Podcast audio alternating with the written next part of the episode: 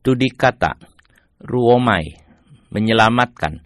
2 Timotius 4 ayat 17 sampai 18. Hode kurios moi pareste kai enedum nam mosen me hinna di emouto kerukma plero po rete kai akose pantata etne kai erusten ek stomatos leontos.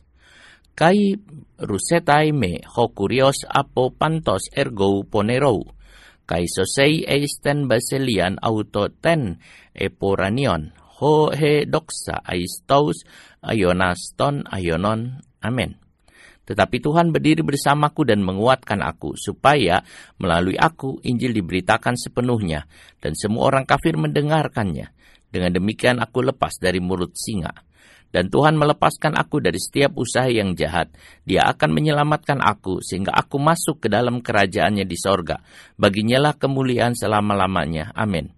Ruomai berasal dari kata ruo yang artinya menyeret atau merebut diri dari ancaman bahaya.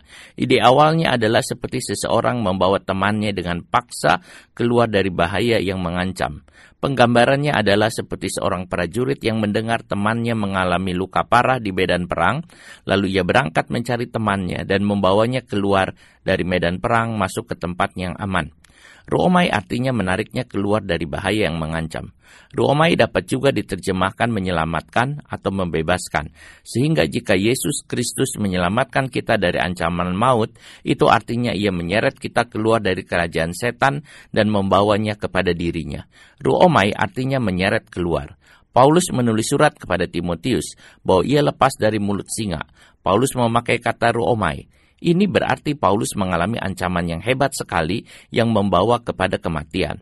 Paulus sudah ada dalam genggaman singa, tetapi Tuhan telah menyelamatkannya dengan menyeretnya keluar dari mulut singa itu. Lalu Tuhan membawanya ke dalam kerajaannya. Paulus pernah mengalami ancaman dan Tuhan sudah melepaskannya.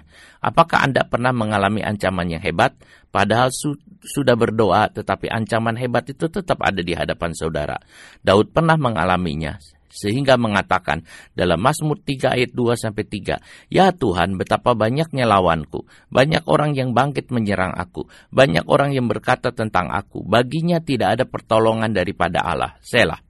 Ancaman yang hebat ini membuatnya tidak sanggup mempertahankan diri lagi sehingga perlu kekuatan besar untuk menyelamatkannya. Tetapi Daud menyadari tentang Tuhan sehingga ia berkata, Engkau Tuhan adalah perisai yang melindungi aku.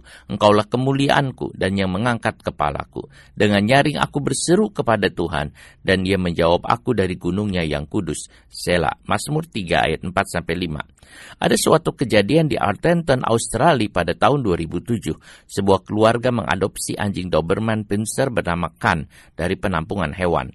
Suatu kali Kan anjing itu sedang berada di taman belakang bersama dengan keluarga barunya. Carlot seorang bayi berusia 17 bulan dan ibunya. Tiba-tiba anjing itu bertingkah aneh. Ia mendorong Carlot yang sedang bermain dengan agresif agar menjauh dari tempat di mana mereka sedang bermain. Ibunya tidak mengerti maksudnya karena anak itu diam saja walaupun sudah didorong-dorong. Lalu anjing itu menarik popok Carlot dan melemparkannya ke bahunya. Tiba-tiba seekor ular berbisa King Brown, ular paling berbisa ketiga di dunia melompat menyerang anjing itu sehingga kakinya tergigit, tetapi bayi itu selamat dari serangan ular. Anjing itu berlari ke dalam rumah lalu pingsan. Ia dibawa ke dokter hewan untuk diobati. Jika tidak ada anjing itu, sangat mungkin anak itu akan mati jika digigit ular.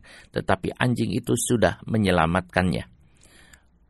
Paulus berkata kepada Timotius bahwa Tuhan berkali-kali telah menyelamatkan dia dari mulut singa, dan Paulus meyakinkan Timotius bahwa Tuhan akan melakukannya lagi. Paulus mengatakan selama pelayanannya dia menghadapi berbagai macam bahaya yang luar biasa. Dia menyamakan bahaya itu dengan mulut singa. Ia membandingkannya dengan kesulitan yang dialami oleh Daniel di Goa Singa. Ketika singa mendekat, Tuhan merebut dia dari rahangnya dan menyelamatkan hidupnya. Meskipun pencobaan terlalu berat bagi Paulus, tetapi Tuhan setia dan selalu campur tangan untuk melindunginya. Akhirnya Paulus menulis surat menjelang kematiannya. Ia tahu ia akan mati dipancung kepalanya sebagai martir, tetapi ia percaya Tuhan akan memberi keberanian dan membebaskan dia dari jiwa pengecut atau ketakutan, sehingga ia bisa menjadi saksi yang setia. Ia yakin Tuhan akan menolongnya. Amin. Haleluya.